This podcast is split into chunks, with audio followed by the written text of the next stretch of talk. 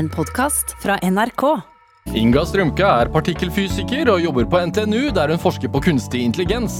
Strømke er en prisbelønt formidler, har fast spalte i Morgenbladet og opptrer jevnlig som ekspert i media. Ved siden av akademisk hodebry utfordrer hun seg selv fysisk med triatlon, kampsport og skiturer på tvers av Grønland. Dette er Drivkraft med Vegard Larsen i NRK P2. Inga Strømke, velkommen til Drivkraft. Tusen takk. Jeg hørtes ut som en litt slitsom person i den introduksjonen, gjorde jeg ikke? Det var bare sant, alt sammen. Jo, jo, men når du ramser det opp sånn Ja. Er du slitsom å være rundt, tror du? Nei. Det, jeg går i hvert fall ikke for å være slitsom. Men det skjer mye samtidig. Det skjer mye. Men det er deilig når det skjer mye, da. Ja. Er det uh, Er du ferdig med tøyingen, forresten? Ja.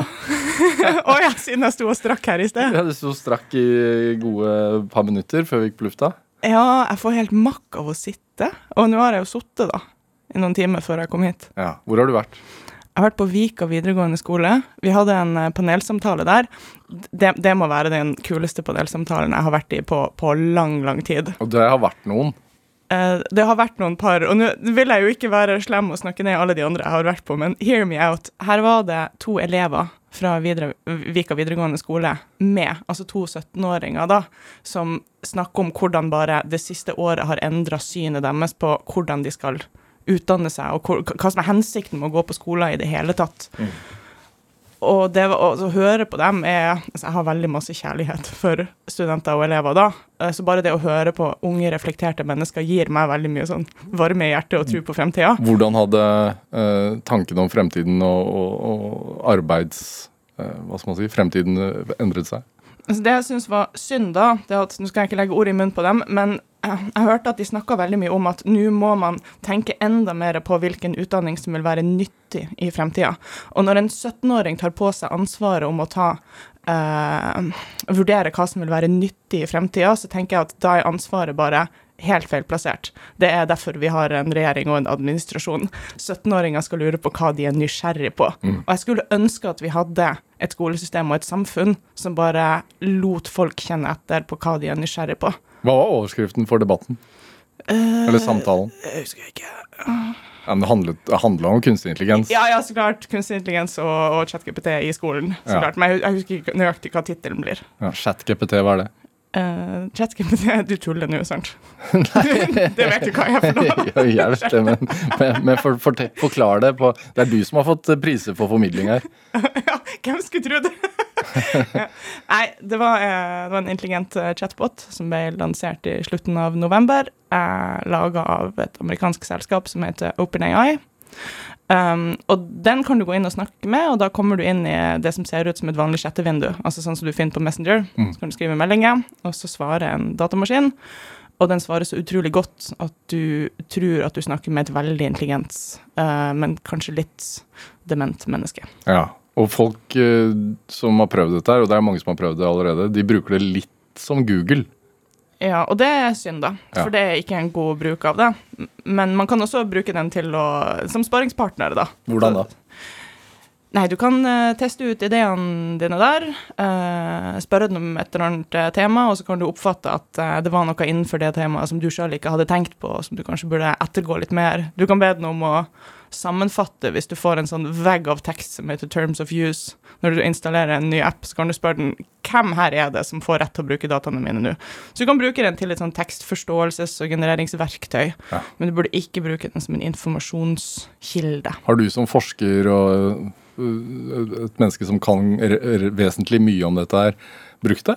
Ja, ja. Jeg betaler for premiumversjonen. Ja, altså GPT4? Ja. hva, hvorfor det? Fordi at den er hysterisk nyttig når man bruker den til sitt bruk. Som er? For, for eksempel så har jeg en liten eh, nettside som jeg prøver å holde oppdatert med ting jeg gjør, men jeg er ikke noe, jeg er ikke noe webutvikler, jeg er ikke noe god på frontend-utvikling, så jeg må skrive HTML-kode, skyte meg i hodet, eh, så da ber jeg den om å skrive koden for meg i stedet. Bare hallo, jeg vil ha et lite bilde som ligger der, og det skal være midt på sida, skriv koden for meg. Og så skriver den koden for meg. Og så da, for da, da kan du rett og slett nærmest skrive inn Sånn som jeg ville forklart det til en kompis, Ja. kan jeg skrive det til ChatGPT, og så kan den generere. Og så kan jeg si nei, litt lenger opp eller litt mindre, Ja. og så bare fikse den det. Og da tenker jeg det er bra, for da er den et verktøy, og da er den hjelpsom. Eller for eksempel øh, forklar gangetabellen så en uh, syvåring forstår det. Ja, jeg var eh, nødt til å forklare noe for noen masterstudenter en gang som jeg sjøl syntes var komplisert. Og så sa jeg ChatGPT hvordan ville du forklart det her til en femåring? Ja. Og så ga den meg et bilde som jeg syns fungerte skikkelig godt, og som jeg da kunne tilpasse litt grann til Ja, masterstudentene mine er ikke femåringer. Mm. Men jeg kunne tilpasse det til dem.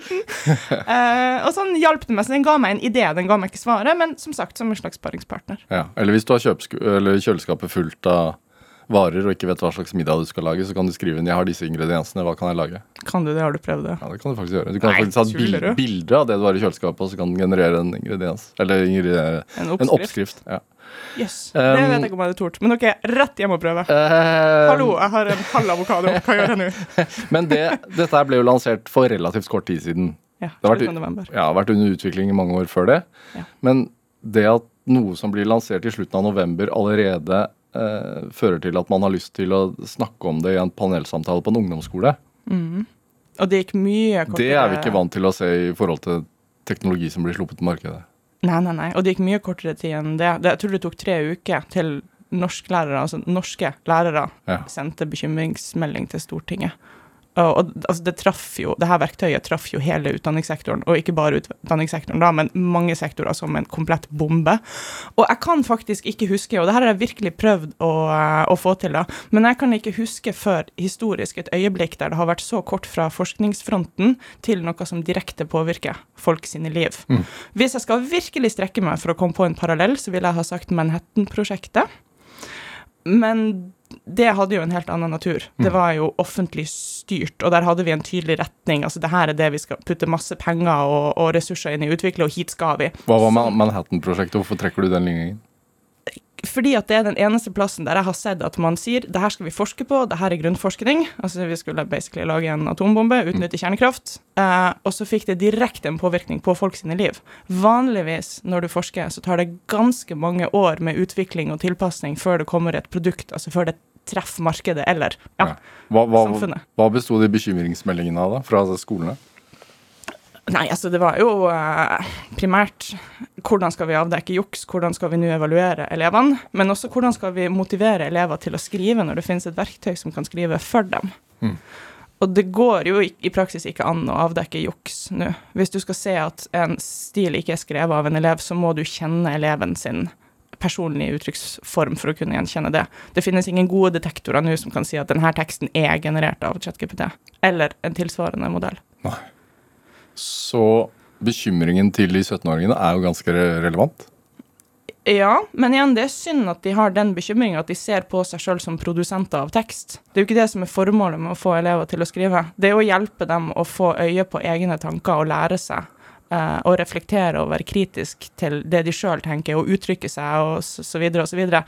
Målet er jo ikke en tekst. Altså, det er jo Vi har ikke skolen for å produsere flest mulig stiler. Så vi er Jeg tenker at ChatGPT her det er bare et symptom, det er ikke problemet. Problemet er det at vi faktisk ikke er helt tydelige på hva som er målet, som er å lage vellykka, lykkelige mennesker. Dette er Drivkraft med Vegard Larsen i NRK P2. Og i dag er partikkelfysiker og, og forsker ved NTNU Inga Strømke her hos meg i Drivkraft på NRK P2. Det med, det med kunstig intelligens, vi har hørt om det siden 2001, en romodyssé, holdt jeg på å si. Eh, sånn enkelt eh, forklart, hva skiller det fra en vanlig søkemotor på internett? Eller et vanlig dataverktøy? Og det jeg håper si er så mye. Altså, Kunstig intelligens er jo Jeg vet ikke hva du tenker når du hører det ordet, men for meg så er det et fagfelt, da, et akademisk fagfelt, grunnlagt en sommer i 1956. Og det er alle måter vi prøver å gjøre maskiner intelligent på. Så om du synes en søkemotor er intelligent Altså, ja, jeg kvier meg alltid litt for å prøve å definere kunstig intelligens, men um, jeg tror at det du er ute etter, det er den metoden for å gjøre maskiner intelligent på som er i vinden nå for tida, som, uh, som, som vi kan takke for at vi har denne her bølgen der vi kan lese om kunstig intelligens overalt. Og det er det vi kaller maskinlæring. Um, og det er mange forskjellige metoder eller algoritmer for å få maskiner til å lære seg sjøl hvordan de skal løse et problem, basert på data, eller jeg liker egentlig bare å kalle det erfaring. Mm. Og det fungerer som fy akkurat nå for det, og det er det som gjør at maskiner liksom slår oss i sjakk og skriver tekst og genererer kunst og detekterer kreft eh, bedre enn noen gang før. Det at vi slipper å forklare det til dem, de kan bare finne ut sjøl hvordan de skal gjøre det. Ja, for det fins jo positive sider også. så du har fått, øh, Skoler har sendt ut bekymringsmeldinger, men det fins masse positive sider også. Sånn som f.eks. det med å øh, finne ut om det er en ondarta eller en godarta svulst. Sånn er det med all kraftig teknologi. Ja. Altså, er en bil farlig? Det kommer helt an på hvordan du bruker den, og om du har infrastruktur i samfunnet til å bruke den på en riktig måte. Kontrollere om den er trygg, Ja. ha sertifisering for dem som skal bruke den, osv., osv. Så, videre. så sånn vil det alltid være. Er det sånn et tenkt eksempel, fordi dette går jo et rykende tempo nå, om fem år, hvordan kommer det til å være inkorporert i hverdagen til folk?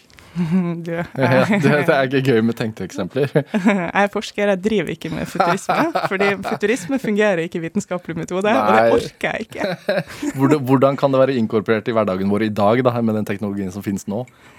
Mm, Det er jo igjen da et historisk veldig unikt øyeblikk. Man kan bare gå på internett og bruke litt kunstig intelligens. Alle kan gjøre det. Vi har det i lomma vår, vi har det hjemme, vi har det på arbeidsplassen. Uh, altså Det er absolutt overalt. Så det er allerede inkorporert i hverdagen vår. Så på å si litt sånn om vi vil det eller ei. Og så kan man bruke det så mye som man har lyst til. Men altså, hvis man, hvis man scroller på sosiale medier, så blir man håper jeg, utsatt for kunstig intelligens. Hvordan da? Um, det er maskinlæringsmodeller stort sett som plukker ut hvilket innhold man skal se, og det er derfor uh, sosiale medier, altså Instagram, YouTube, i det hele tatt er så mye mer avhengighetsskapende nå enn de var for bare noen få år siden. Jeg vet ikke om du husker da YouTube kom ut? Det var en sånn rar plass på internett med noen videoklipp og litt vanskelig å navigere. Nå er det folk som blir avhengig av YouTube, som ikke klarer å gå og legge seg fordi de bare skal se én film til. Ja. Og det er fordi at det er veldig gode anbefalingssystemer som finner ut nøyaktig hva som skal til for å fenge folk sin oppmerksomhet. Det er, maskinlæring, det er kunstig intelligens. Ja, du, du, jo, du forsker på dette, her, og så er du altså en av grunnleggerne av Norsk råd for digital etikk. Ja, Norde. Eh, handler det om dette? Ja, i aller høyeste grad. Um, så formålet med Norde, da, det er å samle eh, representanter og eksperter fra forskjellige eh, fagområder. Altså eh, både teknologi, men også juss, filosofi, samfunnsviten, etikk, for å snakke om krysningspunktet. Altså når en teknologi treffer samfunnet. Hvordan skal vi bruke det på en god måte? Og det er hysterisk vanskelige samtaler å ha, både fordi at det er stort og komplekst og komplisert, men også fordi at forskjellige fagdisipliner ofte har forskjellig språk og forskjellig verdensbilde. Eksempel jeg som fysiker tenker at hvis jeg har en hypotese og en måling jeg kan gjøre, så kan jeg gå og gjøre målinga mi, og så kan jeg finne riktig svar. Sånn er det ikke i etikk. Etikk handler om å veie opp forskjellige interesser mot hverandre i en kontekst. Så noe som er etisk i en kontekst, er kanskje ikke det i en annen kontekst. Det finnes ikke ett riktig svar. Hvordan i all verden skal en naturviter og en etiker da sette seg ned og bruke samme språk for å komme frem til gode løsninger? Kjempevanskelig, kjempespennende. Derfor driver jeg med sånt. Men, men også når teknologien går så fort, eh, hvordan skal da etikken og jussen henge med? Altså jeg tenker Å få etikken til å henge med, det er ikke engang så viktig. Det handler om Altså, vi vil fremdeles ha den samme etikken vår som før. Vi vil ha rettferdighet og etterrettelighet og ikke gjøre skade og etterlate verden en bedre og ikke en dårligere plass, osv., osv. Mm. Vi trenger ikke en ny etikk. For jussen er det et helt, helt annet spørsmål, og jussen henger jo ikke med på denne utviklinga i det hele tatt. Men hvordan skal du regulere noe du ikke vet hva er for noe? Fordi juss lever av de konkrete tilfellene ting må prøves ut foran en domstol i en rettssak, og så må vi bli enige om hm, ja, ok, sånn og sånn er de forskjellige rettsprinsippene her, spiller de opp mot hverandre, det her må bli utfallet. Men hvis ting utvikler seg raskere enn du rekker å juridisk behandle noe og bruke juridisk metode på det, hvordan skal du da regulere det? Det er et av de største spørsmålene i vår tid, vil jeg si. Ja, så For eksempel eksempelet du snakket om, at man kan jukse da, ved å levere inn en uh, kunstig intelligens, altså en GPT-skapt uh, stil. Så har man jo utgangspunktet Da er spørsmålet hvem har skapt den? Er det datamaskinen, eller er det du som har lagt inn kommandoordene som har skapt den? Ja. Og så sitter du jo Veldig godt spørsmål. vel som eier av produktet i ettertid, fordi eh, hva heter det, copyright-lovene eh, er ikke helt definerbare der ennå. Så hvis du skaper noe med kunstig intelligens, så er det egentlig ditt produkt. Nei, så Det du snakker om nå, er opphavsrett, og så Ja. snakker du litt om etterrettelighet, men ja, primært opphavsrett. Hvem eier det som kommer ut av en maskinlæringsmodell? Og for å kunne besvare det spørsmålet, det er ikke så enkelt som at det er du eller det er modellen eller det er OpenAI, så enkelt er det ikke. For å klare å besvare det spørsmålet, så må man forstå hvordan en maskinlæringsmodell fungerer. Hvordan den trener, hvordan den representerer informasjonen sin, og kunnskapen sin om du vil, og hvordan den genererer. Og jeg ville trengt en halvtime, tror jeg, for, for å forklare det godt nok. Poenget er det her er ikke umulig å snakke om, men man må være villig til å dykke inn i materien. Altså både forstå maskinlæring og forstå opphavsrett, altså jussen der. Uh, hvilke prinsipper som driver det for å kunne ha denne samtalen. Og det er, jeg vil si, i dag i samfunnet så er det ingen som sørger for at de her vanskelige samtalene blir tatt. Jeg snakker til dere politikerne. Um, og så er det ingen som eier det her, for det er krysninger mellom to fagområder som består av dyp spesialisering. Hvor viktig er det at man bretter opp erma og prøver å forstå det? da? Ledende spørsmål, Ja, ja. Nei, det er ikke så nøye. Er du, optimistisk eller pessimistisk i forhold til utviklingen? Det har akkurat kommet det der oppropet hvor en del eh, av de som faktisk utvikler eh, kunstig intelligens, sier sånn OK, stopp en hal, nå må vi vente, sette dette på pause en del år, fordi vi må forstå hva vi har skapt til nå, før vi går videre. La meg først si litt om det oppropet. Det er Når altså har vi opprop?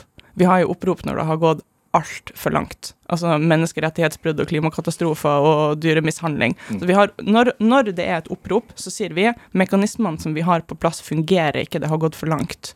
Så det at teknologer, de som utvikler denne teknologien og egentlig vil at den skal utvikle seg, når de fra innsida sier det her har gått for langt, stopp, vi vil ha av, stopp, vi må tenke oss om, da er det ganske sensasjonelt. For hvem bruker vanligvis å ha opprop mot teknologi? Det er jo altså CRISPR og genmanipulering og sånn, de er jo stort sett evangelister og teknologiskeptikere, men her er det teknologene sjøl som ber om en stopp. Hva sier det, da? Det er ganske unikt. Ja, man kan jo spekulere. Det er jo ingen av de her som har aksjer i OpenAI, da. prikk, prikk, prikk. Elon Um, Musk, for eksempel, som har vært med å skrive under dette oppropet, som jo eier Twitter, for eksempel, og, Ja. og Tesla og sånn, er jo med på det. Ja, Og han henger jo litt etter de andre. Ja da, det er ingen som klarer å henge med på OpenAI akkurat nå, så det blir ekstremt spekulativt. Så opprop er ikke en god mekanisme for å sørge for en bærekraftig utvikling. Og det andre jeg vil si, det er at vi har hatt en million opprop før innenfor kunstig intelligens fra minoriteter. Afroamerikanere, kvinner, i det hele tatt folk som behandles dårlig av kunstig intelligente systemer, som sier stopp, det her har gått for langt, vi har ikke mekanismene for å regulere det her. Mm. Ingen av de oppropene kommer på forsida. Det sier noe om at det har gått altfor langt i de ubalanserte maktstrukturene her. Men alle de eh, rapportene som sier at så og så mange jobber kommer til å eh, bli uvesentlige hvordan Ja, hvordan kommer de fram til det? Nei, hvordan kommer de fram til det? Ikke peiling. Matematikere, eh, researchere, eh, oversettere altså, Nei, det er jo sånn finansfolk. Jeg husker jeg jobba i PwC et år, og PwC hadde også et eller annet estimat om hvor mange trillioner dollar, amerikansk trillion, eh, AI kommer til å bidra med i den globale økonomien innen 2030 og sånn. Og jeg spurte rundt og bare hvorfor, hvordan regner vi ut de her tallene? jeg aner ikke. Astronomiske tall, alle blir å miste jobben. Hurra meg rundt. Nei, det skjer jo ikke over natt. Altså, det her er jo en utvikling som skjer i samfunnet. Teknologi er ikke en naturkraft. Det er vi som bruker teknologien. Samfunnet og markedet er et dynamisk system. Det her kan vi egentlig kontrollere. ja. Men er du positiv eller, eh, positiv, positiv eller pessimist? Ja, du merker at jeg prøvde å vri meg unna Ja, det spørsmålet. ja. Ok, så hvis det er en skala her, da, positivt på høyresida Ja. og uh, pessimistisk på venstresida, Ja. så er jeg glad for at jeg tøyer så masse, for jeg står i en sånn weird spagat. Jeg er aldri på midten, men jeg er ekstremt på yes, utvikling, intelligente maskiner, skjønner hvordan universet funker, wow, og det her kommer til å gå til helvete. Jeg ser ikke hvordan vi skal klare å beskytte menneskelig økonomi, autonomi, økonomien går sikkert fint med, menneskelig autonomi Mm. oppi alt det her. Ja, For det er det som bekymrer deg mest. Uh, autonomien vår. Ja, Og hva, hvorfor mister vi den, tror du? Eller frykter du? Ok, hva er forskjellen på frihet og autonomi? Frihet er anledning til å leve ut ønskene sine. Altså, jeg er, frihet, jeg er fri til å gå og kjøpe meg en Lamborghini, eller kan hende hvis, hvis jeg er så dum. Uh, autonomi kommer før frihet. Det er anledning til å danne de ønskene i utgangspunktet. Altså sitt her og være fri og upåvirka og danne ønske eller ikke danne ønske om å gå og kjøpe en altfor dyr bil. hvor Altså, hvis friheten vår trues, så merker vi det med en gang. For vi har lyst til å gjøre noe, vi har et ønske, og så er det motstand i verden. Da, da begrenses friheten vår, og det liker vi ikke. Da rebellerer vi. Men om vi ikke lenger fritt klarer å danne oss ønsker, så mener jeg også at vi ikke merker at det skjer. F.eks. hvis du bare fortsetter å scrolle og scrolle og scrolle. Du rekker ikke å danne et ønske om å slutte å scrolle. Mm. Så det er så mye mer subtilt. Og derfor tenker jeg at det er mye mer truende og skummelt og vanskelig å ta tak i og beskytte oss mot enn f.eks. en trussel mot frihet. Så et eh, demokratisk valg trenger ikke nødvendigvis å være det. For eksempel, men hvis man ikke merker at man stemmer på noe annet enn man ville ha stemt på hvis man kunne ha danna ønskene sine fritt, så kan vi jo ikke forsvare oss imot det. Og da tenker jeg da smuldrer det opp fra innsida. Mm. Hvor er vi nå, da? Nei, jeg vet ikke. På god vei. Jeg, har litt, sånn slippery slope-følelsen, da. Fordi at um, vi merker at digital påvirkning, digitale ekkokamre, uh, persontilpassa innhold er så sinnssykt effektivt. Jeg elsker jo også persontilpassa innhold. At jeg koser meg med at Spotify bare skjønner akkurat hvilken musikk jeg har lyst til å høre på. Jeg har ikke valgt hvilken artist jeg skal høre på på sikkert fire år. Så, så vi koser oss med det, og det er deilig. Og Det er akkurat det som gjør det så skummelt. Hmm. Umulig å stoppe, da, er det ikke det? Mm. Fordi det er så digg. Vi har egentlig ikke lyst Vi har egentlig ikke lyst til å hoppe av det her toget. Hva er det du forsker på sånn faktisk? Um, så Det er det som heter forklarbar kunstig intelligens. På engelsk får det den fete forkortninga XAI, Explainable Artificial Intelligence. Så greia er da, jeg har en, eh, en AI, som jeg ikke liker å kalle det. Jeg har en modell laga ved hjelp av maskinlæring, så en maskin, som har lært seg å løse et eller annet problem. Så lurer jeg på hva den har skjønt.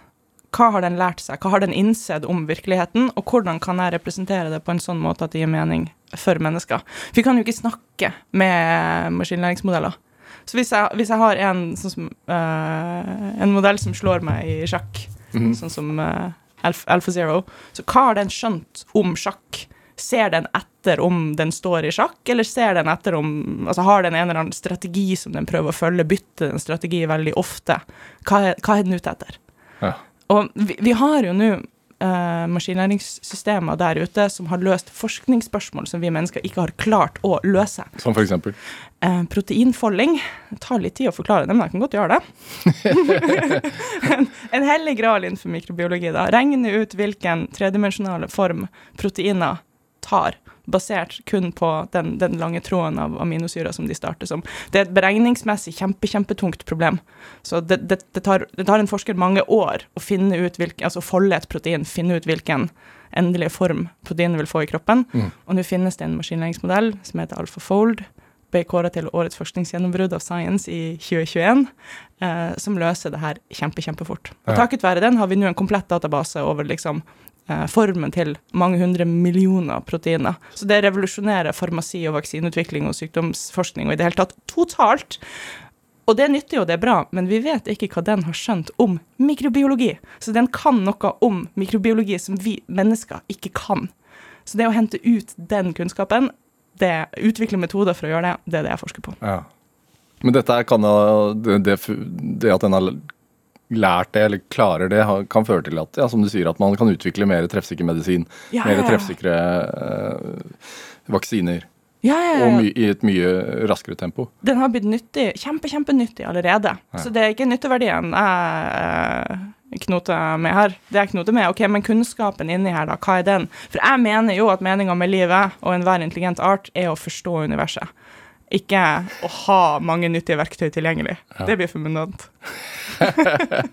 Det med å forstå universet, når oppsto den interessen? Jeg lurer filler'n meg på om jeg var født med den. Jeg var visst en av de her slitsomme ungene som bare stilte spørsmål om alt sammen hele tida.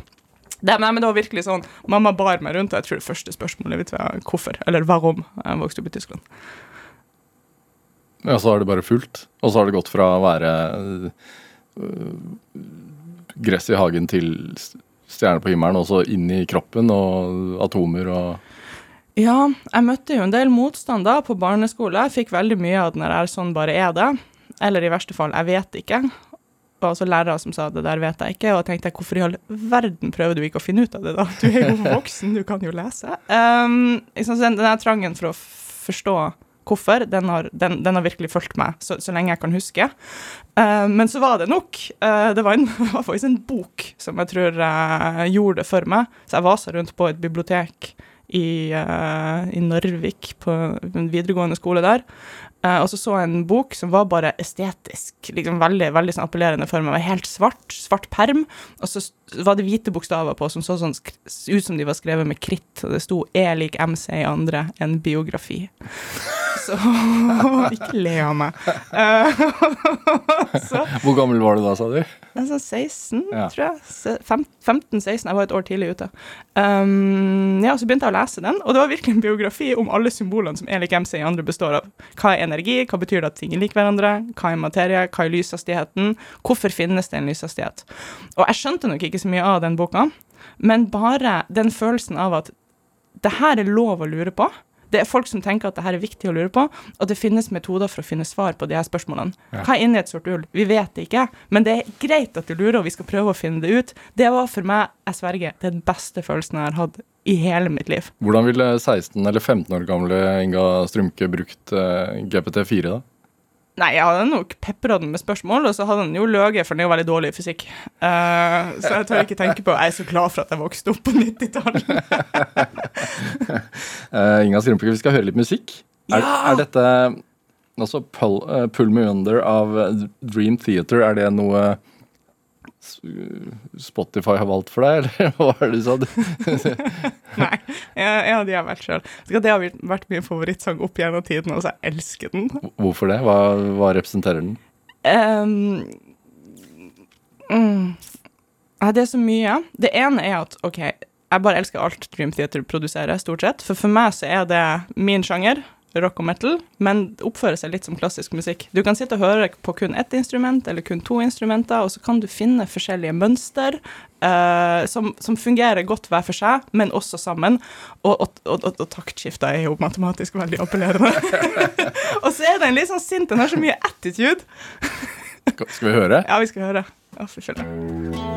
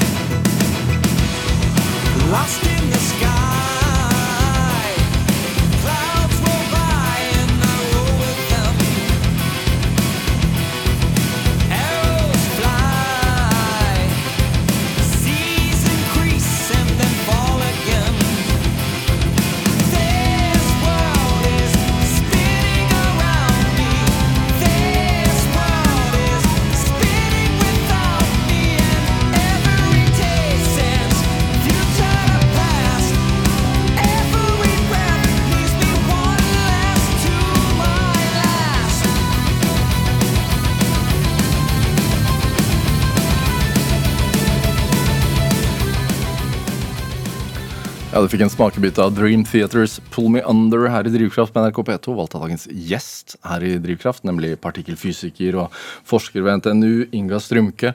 Når du hører den der siste gitarsoloen, er det sånn at du mat de matematiske formlene bare Altså, Nå er jeg jo primært sint for at vi stoppa den før refrenget. Ja, Så det eneste jeg føler akkurat nå, er sinne. Nei da, mye glede. Kan ikke komme til et timeslangt program med en låt som varer i åtte minutter. Nei, jeg lærer, jeg lærer. Men, men um, om deg også. Uh, du sa så vidt før vi spilte musikken her at du, at du er født i Tyskland. Ja. Uh, hvor i Tyskland? Nordvest. Gommersberg. Vet ikke om det sier deg noe? Nei. Nei. Når kom du til Norge? Uh, som håper jeg, fire og et halvt åring. Eh, Lillejulaften da jeg var fire år gammel. Narvik. Narvik. Prøv, prøv å gjette. Quiz. Tror du det er gøy å flytte til Narvik tidlig på 90-tallet og kun snakke tysk? nei. Nei. Nok om det. Og ledende spørsmål, det også. Ja. Hvor- Hvordan opplevdes det? Nei, det var rart for meg da. Jeg hadde jo ikke, Som fireåring hadde jeg ikke begynt å liksom lese meg opp på krigen, men jeg husker jo at fre... Herregud. Besteforeldrene til liksom vennene mine advarte oss mot tyskerne. Og jeg bare Hæ? Tyskerne? Hva er det å advare mot? De, det tysk, de kalte det tyskerne.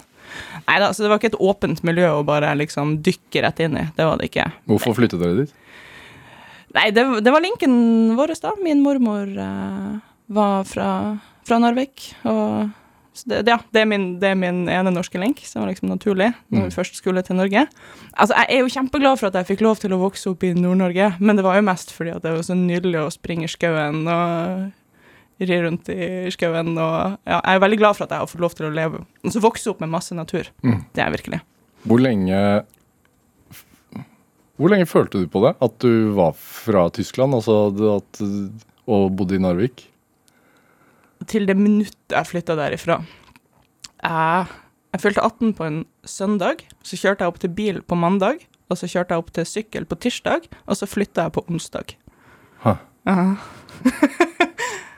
Hvorfor var det behovet så sterkt? Uh, nei, jeg trivdes ikke i det hele tatt. Dessverre. Gjorde ikke det. Og så hadde jeg jo lest denne boka jeg snakka om i sted. Jeg skulle jo ut og bli fysiker, jeg skulle jo komme meg til NTNU. Jeg hadde bursdag på sommeren. Jeg var sykt klar for semesterstart. Skulle studere teoretisk fysikk og finne ut om kvantefysikk og relativitetsteori og alt sånt der. Jeg er født med overtenning, da, og eh, siden det har det bare økt. Eh, og jeg var så utrolig gira på å bare komme i gang og gjøre ting. Mm. Hvordan, er, hvordan er det å være født med overtenning? Også hvordan, hvordan er man det som barn? Nei, man har ekstremt mye energi og impulser og har lyst til å gjøre alt mulig rart. Og jeg har alltid funnet masse glede i liksom både lesing og tenking og intellektuelle ting, men også fysisk aktivitet og utforsking og ut på eventyr. Og det er jeg kjempeglad for, at aktiviteter gir meg energi. Det føler jeg meg ekstremt privilegert. Men ble Ble det å lese og det å forstå eh, en slags- venn, liksom? Ja. Ja. Jeg husker først, første gangen jeg hadde den innsikten om at matematikk og mer generelt formelle systemer, det er sånn at hvis du følger reglene og kun gjør riktige ting, Mm. så kan det aldri bli feil. Tenk, tenk på det. For altså, når vi vaser rundt i liksom, det sosiale livet og har biler som punkterer og lyspærer som går, så føles det som at ting bare liksom skjer, og så må man håndtere ting, og så kan man ikke helt kontrollere hva som skal skje. Men når du sitter med et teoretisk emne, og særlig matematikk, som jo er høyborgen, hvis du bare gjør riktige ting, så blir det riktig til slutt. Og en så dyp tillit, tenker jeg at det kan jeg ikke utvikle for, for noe annet. Er det et kontrollbehov? Nei, tillitsbehov. Ja. Trenger ikke å liksom kontrollere matematikk. Den bare er, og så kan vi oppdage konsekvenser. Hvor, hvor, hvordan oppstår det behovet? Tillitsbehovet? Mm. Nei, det vil jeg da tro at vi alle er født med. Tror du ikke det? Ja, kanskje. Ja, men Så for meg var det ikke sånn at jeg liksom gikk rundt og bare Å, jeg skulle ønske det var mulig å stole på noen ting i verden. Det var mer oppdagelsen av at det finnes noe som du kan stole 100% på, og at den kontrasten til håper jeg, resten av livet Jeg tror det var mer det som gjorde det. Ja. Hm. Hvor, hvor kjapt for, tenkte du at uh, skolebøkene er ikke nok, holdt jeg på å si? for jeg veit at du hoppet over et trinn, f.eks. Ja, det gjorde jeg. Ja. Jeg synes sjelden at det går fort nok. så bare, jeg vet ikke, muligheten til å kunne utforske mer og utvikle meg videre raskere, Mm. den, var, den var egentlig ikke der. Altså, både mamma og eh, PPU i Narvik måtte virkelig stå på for at jeg skulle få lov til å For jeg, jeg fikk lov til å hoppe fra 9. til 10. klassen, da, så jeg tok uh, ungdomsskolen på to år. Og det er det egentlig ikke rom for i, i det norske skolesystemet, så jeg er kjempe, kjempe, kjempeglad for at de strakk seg Mm. såpass at jeg fikk lov til å hoppe videre og komme fortere i gang med videregående og studier. Jeg Mm. kanskje skolesystemet er litt for rigid og lite individuelt. Ja, så det er en utfordring også å være for flink på skolen. Absolutt. Absolutt. Det å, å ha spørsmål og en driv og en nysgjerrighet, og så føle at man springer mot en vegg, eller blir tøyla, eller, eller føler seg som et utskudd, eller ikke møter entusiasmen man har, tenker jeg det er noe av det verste man kan gjøre mot, uh, mot et barn eller et ungt menneske. Mm. Så jeg synes det, så klart skal man hjelpe de svake, men jeg syns virkelig at man må uh, håper å si, hjelpe de, de sterke også, Mm. for å bruke det ekstremt arrogante eh, uttrykket. Visste du hva partikkelfysikk var? Mm -mm. Nei, jeg gjorde ikke det. Jeg visste ikke hva partikkelfysikk var før jeg tok doktoren min. Jeg tok masteren min i um, teoretisk fysikk, så jeg skjønner at du kanskje ikke tenker 'oi, for en enorm forskjell'. Uh, men jeg tenkte ikke på partikler før jeg begynte på doktorgraden min. Nei, jeg tenkte på, uh, primært på kvantefysikk. Ja. Hva, hva var det som gjorde at du ville gå den retningen i utgangspunktet? da? Altså Var det Einstein, liksom? Hvorfor jeg ville gå teoretisk fysikk? Ja. Nei, det var den her uh, kombinasjonen av uh, at man bruker matematikk som verktøy, så den, den, det her uh, systemet som jeg tenker du kan ha tillit til, og det her med at du kan stille et hvilket som helst spørsmål du vil om virkeligheten. Jeg tenker jo teoretisk fysikk er så nært vi kommer en slags formell filosofi. Så du kan stille de aller dypeste spørsmålene om hvordan fungerer virkeligheten og universet, og hvorfor er vi her, og hva er meninga, osv., men du har eh, et rammeverk, du har et system eh, som du kan bruke for å prøve å besvare spørsmålene. Ja. Så tenk å kunne spørre liksom, hvor kommer alt fra? Hva er tid? Hva, har virkeligheten en oppløsning? Hvorfor finnes det en øverste fartsgrense i universet? Tenk at vi kan sitte her med de teite små mushy hjernene våre på denne klumpen og stille de spørsmålene og ha mulighet til å prøve å besvare dem. òg, det er jo helt utrolig at vi lever i et univers som kan begripes. ja. Har virkeligheten en oppløsning? Eh, Ja, Har det det? Ja, det er et godt spørsmål. Ok, fordi at, okay, så Det man gjør i partikkelfysikk, er jo å, å, uh, å finne liksom virkelighetens piksler. da. Hva er de minste partiklene? Hva er de mest grunnleggende kreftene? For å finne ut det, så må vi, må vi skyte partikler på hverandre med så høy energi som bare mulig. Jo høyere energi, jo større oppløsning får vi. Så er spørsmålet da, finnes det en høyeste energi det gir mening å bruke for å finne oppløsninger til, til virkeligheten, eller ender man bare opp med å lage et sort hull? Minisort hull. Så ikke sant, finnes det, finnes det et, en største zoom-innstilling du kan bruke når du liksom zoomer inn på virkeligheten? Ja. Det vet vi ikke, men det kan hende at det finnes en, en minste størrelse som gir mening å snakke om. Og, og, og hva, bet, hva betyr det, hvis universet er liksom pikselert? Vi lever jo i en simulering, vi gjør jo det. oh. når så du Og så var det et sånt barn som så science fiction og tenkte at Ja. Ja, ikke sant? Ja, veien til uh, stjernen er jo brolagt med science fiction. Ja. Har det vært en trigger? Um, det er, nei, det har vært en trigger for noe annet. Det har vært en trigger for arrogansen min. Fordi det er jo stort sett feil i science fiction-filmer. Og jeg tror jeg fikk en sånn uh, usympatisk glede av å kunne se når det er feil å vite bedre. Det likte jeg tidlig. Likte, husk, husker du Stargate? Ja. Ja, De som springer gjennom portalen til andre planeter. Mhm. Jeg husker fremdeles en sånn scene når Captain Samantha Carter går opp til Stargaten, og så sier hun You can actually see the fluctuations in the event horizon. Og jeg var sånn 13 år gammel og bare Fy faen, det her er bullshit. og det koste jeg meg med. ja. Så, så det har vært et eh, behov for å ha rett? Behov for rett. Jeg vet, jeg bare får en god følelse av å kunne liksom vite når det er ting som ikke gir mening, fordi at jeg vet hva som gir mening. Mm. Det er en god følelse. Det å øh, ta en doktorgrad da, i, i partikkelfysikk og, og, og uh, trives med det mm. Ja, trives og trives. Jeg tror alle som tar doktorgrad, griner på jobb ganske ofte. Så definer trivsel. Men hva, hva, hva er det som skjer som gjør at du endrer retning? Mm, En kombinasjon av flere ting. Jeg tror det er mye tilfeldighet. Jeg tror karriere alltid vil være en historie man forteller seg sjøl i retrospekt. Altså, jeg endte opp med doktor i partikkelfysikk, eh, i stor grad også fordi at jeg satt i Bergen og var misfornøyd med jobben som jeg hadde Som etter masteren. Da var jeg petrofysiker i et stort eh, oljefirma. ja, og regnet på hvordan man borer olje.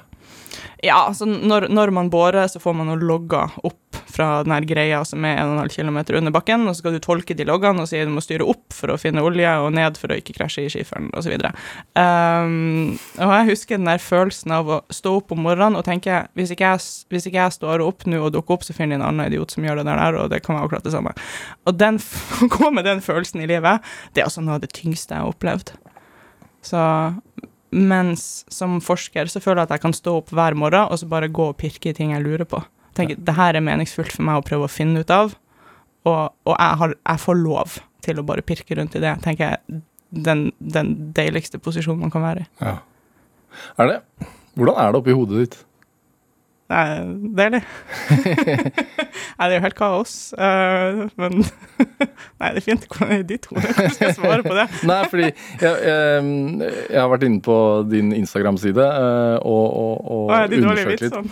Ja, du, har- du har en greie sånn vitseting, eh, og så er det en del altså noe kunstig intelligens, og så er det noe uh, fysikk. Men det er mest Fjas. fysisk eh, utøvelse i, eh, i, i klatreveggen eller på fjelltoppen eller i sykkelstien eller i kampsportarenaen. Ja. Hvor, hvorfor har du det behovet ved siden av?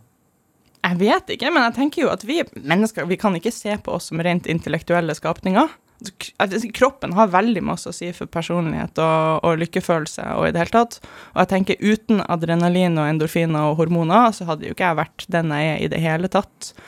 Og jeg bare, jeg bare elsker å drive med ting som er litt sånn tungt og vondt, og følelsen av at jeg overlever ikke fordi det er enkelt, men fordi at jeg får til det her. Det er en god følelse. Hva er det som er interessant med å utfordre det? da? Hva som er interessant med å utfordre det? Ja. Jeg vet ikke. Altså, det er, når du spør sånn, så høres det ut som det er et endelig formål der. Men det er jo ikke noe formål utover at jeg bare liker det. Og da tenker jeg at det, det burde vi hige etter å, å ha litt mer i livene våre. Bare gjøre ting vi liker. Men altså, det er noen aktiviteter, f.eks. Uh, isklatring, da, der jeg bare det ville aldri ha falt meg inn å henge i en foss og tenke på teknikken min og tenke på hva jeg skal ha til middag. Det hadde bare ikke gått i det hele tatt. Så man havner i en sånn meditativ tilstand der det kun handler om å utføre noe og gjøre det riktig og være i øyeblikket. Mm. Og det syns jeg fysisk aktivitet gir. Og så er det bare digg å ha det litt vondt. Så, ting som er vondt dagen derpå, Ja. det er den beste tingen. Setter du deg nye målsetninger? Mm, pff, nei, ikke nødvendigvis. Altså, noen ganger kan jeg tenke det der triatlonet der skal jeg gjennomføre, men det er sjelden. Det er mer at jeg nyter prosessen. Altså, jeg tenker på jobb, hva har jeg lyst til å trene i dag? Mm. Og så går jeg og gjør det, og så koser jeg meg som faen. Er det det, det å, å gå fra tung matematikk da, til å skifte retning og begynne å forske på kunstig intelligens, var det et, er det et øyeblikk som gjorde at du tenkte sånn Nei, nå, nå er jeg nødt til å Mm. Hva var det? Totalt. Så uh, jeg drev med partikkelfysikk. Måten vi gjør partikkelfysikk, det er ved å analysere store datamengder, som vi typisk får fra CERN og andre store eksperiment. Mm. Cern, altså, hvor de slår, skyter protoner mot hverandre. Ja. Um, så for å være en god partikkelfysiker, så må man være god i dataanalyse. Og maskinlæring er jo en metode for automatisk delvis styrt dataanalyse. Så det var veldig naturlig å prøve å bruke maskinlæring for å se forskjell på partikler. Um, så mitt favorittforskningsprosjekt noensinne som jeg gjorde, gjorde jeg sammen med en, en annen doktorgradsstudent og en uh, postdoc. Nå har du fått vann i halsen, men det skjønner jeg godt. Det er veldig sexy med partikler. Det er det. Ja. ja. Mitt favorittforskningsprosjekt noensinne, i hvert fall. Um, der prøvde vi å se forskjell på to hypotetiske partikler, altså partikler som ikke finnes ennå. Så fant vi ut da at da vi kjørte en simulering, så det betyr at vi klarte å finne riktig svar, så testa vi denne maskinlæringssystemet som vi hadde laga. Så viste det seg at den var veldig forutinntatt. Basert på hvilken partikkel den hadde sett mer av når vi trente den, endte den opp med å foretrekke den partikkelen. Så den var en liten partikkelrasist. Og da tenkte jeg ok, spennende, forskning, det her må vi jammen tenke på. Um, og så begynte jeg å snakke med venner som ikke tok doktorgrad, men så begynte å jobbe som data scientists, altså som brukte maskinlæring til å evaluere lånesøknader og uh, Ja, altså rett og slett på, på mennesker, da. Mm. Så spurte jeg hvordan forsikrer dere dere om at ikke akkurat det her fenomenet skjer der ute? Og overraskende mange sa at de ikke hadde tenkt på det. Og da slo den der arrogansen min om at skal vi gjøre ting, så må vi gjøre det riktig, inn for fullt. Ja. Så tenkte jeg OK, så vi bruker maskinlæring i samfunnet. Og jeg oppdager i min partikkelfysikkforskning problemer med de her systemene som vi ikke forsikrer oss om at ikke spiller inn før vi slipper systemene løs på samfunnet. Og digitale systemer de skalerer enormt fort i samfunnet. Hvis du har en rasistisk saksbehandler, så har du fem tilfeller av rasisme for dag. Hvis du har et rasistisk eh, maskinlæringssystem, så, så, så er det ingen begrensning for hvor mye skade det kan gjøre. På hvordan da, altså sånn rent sånn teoretisk? Altså, eller hvis man tar et eksempel. Ja, du erstatter 1000 saksbehandlere med ett system. Eh, da hvis en saksbehandler tar eh, fem beslutninger for dag, for dag, så har du da heller 5000 beslutninger som tas av et system. Hvis det systemet er forutinntatt eller rasistisk, eller på en eller annen måte gjør, gjør feil eller gjør skade, så gjør det det mye mer effektivt. Har man eksempler på, på at det har skjedd? Eh, ja, i retts, eh, rettsvesenet i USA. Absolutt totalt. Altså, rasistiske, sexistiske systemer er vel mer regelen enn unntaket. Men i alle fall, og da, det, det var øyeblikket for meg da, der jeg tenkte at ok, Inga, mindre partikler, mer. Det jeg ville gjøre, var tilsyn og revisjon med AI-systemer, eller maskinlæringssystemer som brukes i samfunnet. Mm. Hvorfor er urettferdighet eh, så viktig for deg å Nei, bekjempe? nei, det var arrogansen med at ting skal være riktig hvis vi først skal gjøre det. Så det at eh, noen blir skadelidende, har ingenting med det å gjøre? Det har ikke ingenting med det å gjøre, men min indre motivasjon det er la oss, la oss gjøre ting riktig, Ja. eller, eller så lar vi være å gjøre dem. Ja, hvis vi, vi kan gjøre det bedre, da skal vi gjøre det bedre. Ja. Hvordan går det arbeidet, da? Nei, nå er det sånn at OK, vi har mye revisjon i, eh, i samfunnet vårt. Vi har et tilsyn for omtrent alt vi bryr oss om. Vi har et mattilsyn og et finanstilsyn og et eh, datatilsyn. Det er så mye tilsyn. Og, og revisjon gjør man for å forsikre seg om at man hadde jeg, overlevd et tilsyn. Og ikke blitt eh, tatt under en kontroll. Før det gir mening å ha et tilsyn, så må man ha en regulering. Hvis det ikke finnes en regel, så vet man ikke hva man skal gjøre revisjon eller tilsyn opp mot. Vi har ikke en AI-lov, en AI-regulering. Så vi fant ut det da, jeg prøvde å jobbe med det her i PwC, vi fant ut at det var veldig vanskelig å få bedrifter til å betale for at vi skal komme og kikke dem i kortene hvis det ikke er ris bak speilet, rett og slett. Og det synes jeg er altså noe så noe, altså, Nitrist dekker det ikke engang. Jeg synes det er helt katastrofalt at kunstig intelligens nå finnes absolutt overalt i samfunnet og i folk sine liv, og så har vi ikke en regulering som sier hva som er lov å gjøre med det. Det er akkurat det, det, det du sier der, at kunstig intelligens finnes overalt i samfunnet og, og, og påvirker folks liv. Det tenker vi jo ikke på. Vi, jo, det en, vi har jo ikke forstått at kunstig intelligens egentlig er her før denne chat-GPT-en kom og, og folk begynte å publisere morsomme bilder på internett av paven i, i Balenciaga-jakke, liksom. Altså det er da vi for alvor har forstått at ok, nå er kunstig intelligens her, men, men det har vært der en stund. Ja da, absolutt. Um, litt avhengig av om du, om du sier kunstig intelligens eller maskinlæring. Så maskinlæring er en liten del av kunstig intelligens. Altså, Hver gang du setter på et fly, så brukes kunstig intelligens i cockpiten, men det er, det er ikke selvlærende former for kunstig intelligens. da. Ja. Så det ene er kunstig intelligens er overalt.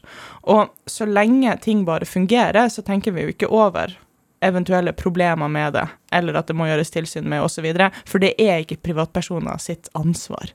Altså det er regulerende myndigheter sitt ansvar å sørge for at eh, systemene vi bruker, er, er trygge og er i tråd med samfunnsmålene våre. Så jeg syns det, det er lite jeg blir så forbanna over, som at vi ikke setter oss ned og blir enige om hva vi skal med de her systemene, lager en regulering og, og får på plass et tilsyn.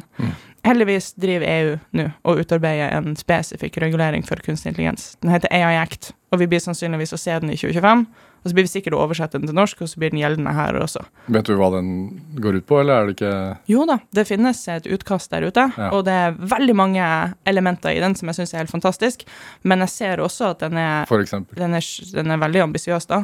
For eksempel, før du får lov til å lansere eh, et system, sånn som ChatGPT, som blir slengt ut eh, på, på internett, eller på markedet, så er du nødt til å skrive teknisk dokumentasjon, gjøre den tilgjengelig, og du må gjøre en risikoanalyse, og så må du gjøre risikomitigerende tiltak. akkurat sånn som vi gjør det i hele resten av samfunnet når vi bygger noe som kan ha noe å si for samfunnet. Du kan ikke bare bygge en tunnel og si nei, det ordner seg der, får bare prøve å kjøre gjennom den, så ser vi. Men det var i praksis det vi gjorde med ChatGPT. Mm. Hvis OpenAI hadde satt seg ned i to minutter og tenkt hva vil det her da å si for utdanningssektoren, så hadde de jo skjønt at det ville fungere som en bombe, men det var ingen risikomitigerende tiltak på plass, fordi at det ikke var krav om det. Nei. Hvis vi hadde hatt den her AI Act, da hadde ikke ChatGPT blitt sluppet på den måten som den ble sluppet litt en gang, for da hadde utdanningssektoren måtte fått anledning først til å kunne håndtere det. Men det er jo interessant, for jeg hørte et intervju i går på øh, i Nicolai Tangen, altså oljefondsjefen sin podkast In Good Company, hvor han intervjuer eh, den altså ledende AI-utvikleren Jensen Huang, som, som er sjefen for Nvidia. Og, han øh, Huang sa jo det at eh, de er for regulering. Eh, Han sa det at i, i USA, da, hvor, hvor det selskapet holder til, så regulerer de jo frokostblanding, for eksempel.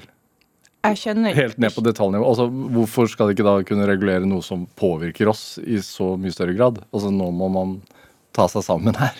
Ja, jeg kjenner ingen AI-utviklere som er imot regulering. Og regulering høres veldig sånn bremsende og strengt ut, men tenk på trafikken, da. Ville du ha kjørt i en trafikk uten regulering? Hadde den trafikken vært effektiv? Den hadde jo ikke det. Det hadde vært helt kaos, det hadde vært kjempedyrt, du hadde ikke kommet noen vei. Men er det litt sånn vi er nå? Altså, er vi på en motorvei, og det, og det er kryssende trafikk og ingen trafikklys? Ja, i noen grad. Altså, altså eksisterende lovverk gjelder fremdeles, selv om du holder på med kunstig intelligens. Hvis du bruker uh, data som beskriver enkeltpersoner, så må du forholde deg til personregulering osv. osv. Mm. Men det er veldig, veldig veldig masse her som er uregulert, eller som er feilregulert. Um, så Nei. det er kjempevanskelig å skrive reguleringer for en teknologi som utvikler seg så raskt, og som vi ikke ser effekten av, og som vi ikke vet hvilken form kommer til å ta. Mm. Men jeg skulle ønske at vi f.eks. i Norge da sjøl kunne prøve litt hardere. Ja, også, og, og utvikling, altså utviklerne, altså de som utvikler det, og de fleste av brukerne har jo ofte gode intensjoner. Men det er jo også Ja, ja, veien til helvete er brolagt med gode intensjoner, så det er jo greit. Ja, men, men det er jo også mange der, inne som ikke, der ute som ikke nødvendigvis har gode intensjoner. Eh, ja, altså Under valgkampen sist, også propaganda på internett, bla, bla, vil jo få en helt ny vending. Kan få en helt ny vending. Eh, Men det er ikke jeg- det som er skumlest. min stemme kan jo uh, lastes ned fra internett og uh, ringe opp uh, kona mi, og noen kan sitte og snakke med min stemme. Altså det er, det er en ny Vi er inne i en ny fase sånn sett. Ja, men der er vi mer på at onde hensikter nå har fått mer kraftige verktøy. Men det liksom, å svindle folk er fremdeles ulovlig. Ja. Altså, jeg det er ikke det skumle. Det skumle er det som skjer med gode intensjoner. Der man tenker at uh, det her går bra, jeg, jeg prøver å gjøre verden til et bedre sted, og så blir verden et litt dårligere sted likevel. Mm. Vi er jo nå uh, på en plass der vi merker at teknologi løser problemene våre så godt at det er et problem. Det at ChatGPT er så god til å skrive norskstiler, som er målet, målet var å få den til å bli flink å skrive, Ja. det har gitt eh, mange bransjer et problem. Ja. Og det er jo ikke fordi at det er slemme folk som tenker nå skal vi jammen rote til utdanningssektoren, men det skjer likevel. ja.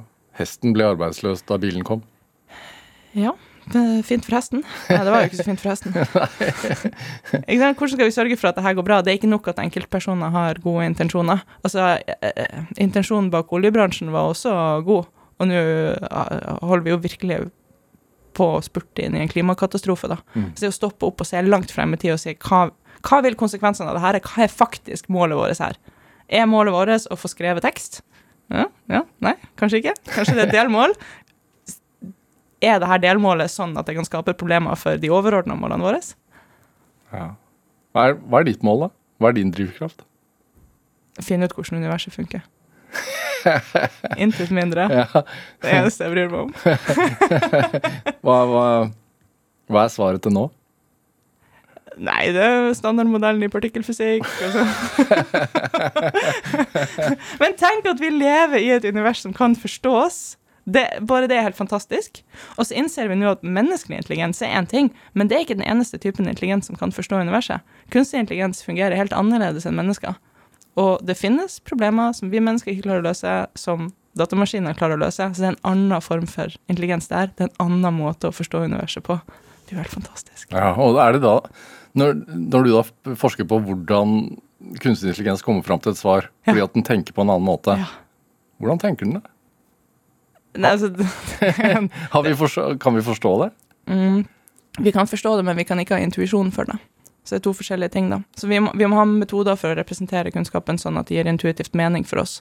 Så jeg prøver jo, sammen med masse flinke studenter på NTNU, å utvikle sånne metoder. Hmm. Hmm. Så, så jeg har ikke jeg, Kanskje du kan hjelpe meg å velge? Jeg vet ikke, Burde jeg si at det jeg driver med, er robotpsykologi? Eller burde jeg si at det er robothjernekirurgi? Ja. Hva høres kulest ut? Hjernekirurgi. Så det høres kulere ut. Psykologi er litt sånn soft. Å oh, nei, nå sa jeg det. Unnskyld. Unnskyld. Ja. Um, Inga Strømke, tusen takk for at du kom til Drivkraft, og lykke til da, med å finne ut av universet. Tusen takk, og takk ja. for at jeg fikk komme. Ja, Når får vi det endelige svaret? Nei, altså Any day now. Ring meg i morgen. ja. Hør eh, flere samtaler i Drivkraft eh, på nrk.no eller i appen eh, NRK Radio. Der kan du også følge oss, så du får hver eneste episode kjapt inn i, inn i appen din når vi lanserer de. Send oss gjerne ris eller ros, og også tips til mennesker som du mener har drivkraft. Send den e-posten til drivkraft.krøllalfa.nrk.no. Vi hører veldig gjerne fra deg. Produsent og researcher i dag, det var Olav Tessem Widsvang. Dette var Drivkraft. Jeg heter eh, Vega Larsen. Vi høres. På den lille øya Austbø går det en psykisk ustabil mann rundt med ei kraftig rifle. Han har erklært krig mot politiet. Når han kommer frem, så blir det, da blir det kamp. Da blir det han eller meg. Han greier å overraske to politifolk i stormen på natta. Så kommer det to skudd. De var ganske etter hverandre. Familiemannen ender opp som dobbel drapsmann. Så har jeg jo en, en, en ganske fremmed følelse overfor at det er seg i dag som skal sitte som en drapsmann og være årsak til det, at jeg har tatt livet av to mennesker. Politidrapene på Austbø hører du i appen NRK Radio.